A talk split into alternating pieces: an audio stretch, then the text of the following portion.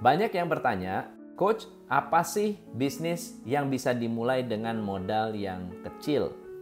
Kalau saya ingin membuka sebuah usaha, kafe pasti modalnya besar. Kalau saya mau bikin rumah makan, pasti modalnya besar. Nah, setelah PPKM berakhir, saya pengen mulai bisnis nih.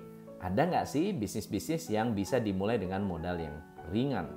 Saya akan memberikan Anda beberapa ide bisnis saat pandemi. Tentunya yang bisa dimulai dengan modal yang kecil. Yang pertama adalah pet grooming.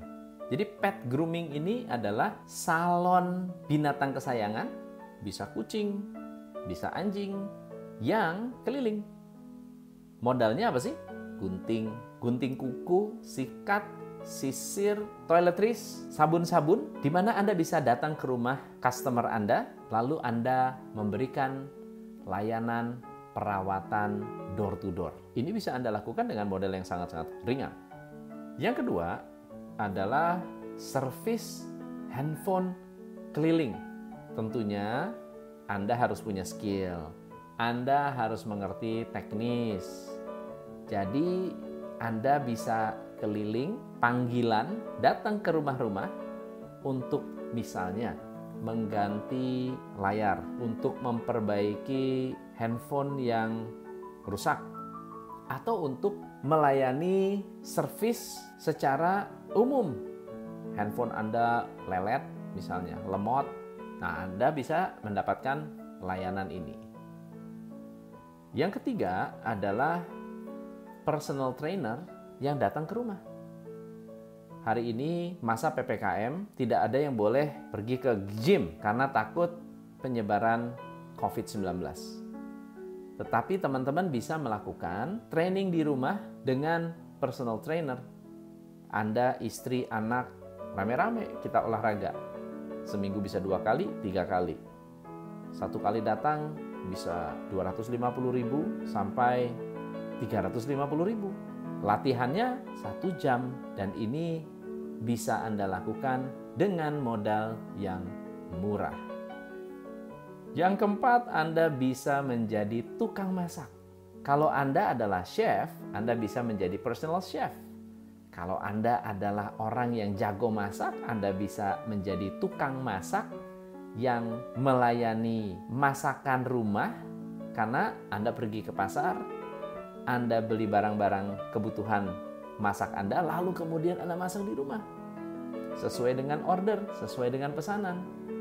Jika Anda adalah orang yang mengerti pajak, Anda bisa jadi orang atau konsultan yang melayani pengisian form SPT. Atau Anda bisa melayani perusahaan-perusahaan yang belum memiliki konsultan pajak. Kalau Anda mengerti accounting dan finance, Anda bisa menjadi konsultan keuangan freelance. Ini semua membutuhkan modal yang sangat-sangat minim. Buat Anda yang memiliki pengalaman memeriksa mobil bekas yang mau dijual atau mau dibeli, Anda punya servis itu.